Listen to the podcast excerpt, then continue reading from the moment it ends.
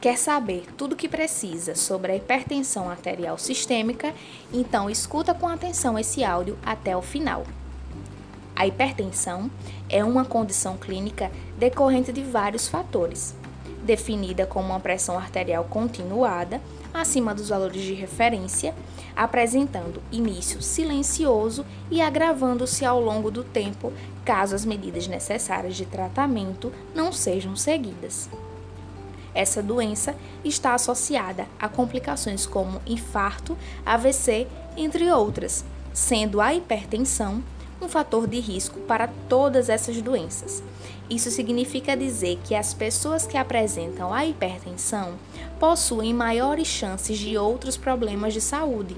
Daí a importância em diminuir as causas da hipertensão, como o alto consumo de sal e bebidas alcoólicas, ter controle do peso, praticar exercícios físicos e ficar alerta se existir casos em parentes próximos. Ter uma alimentação saudável é peça fundamental no controle da pressão.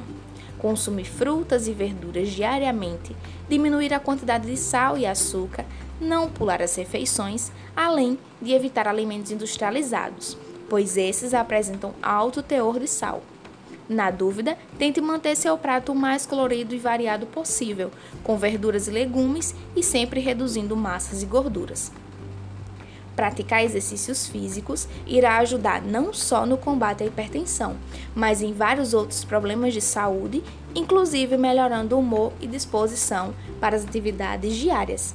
Então, que tal, a partir de hoje, você fazer uma caminhada todos os dias, ou até mesmo em casa, mexer o corpo e queimar algumas calorias?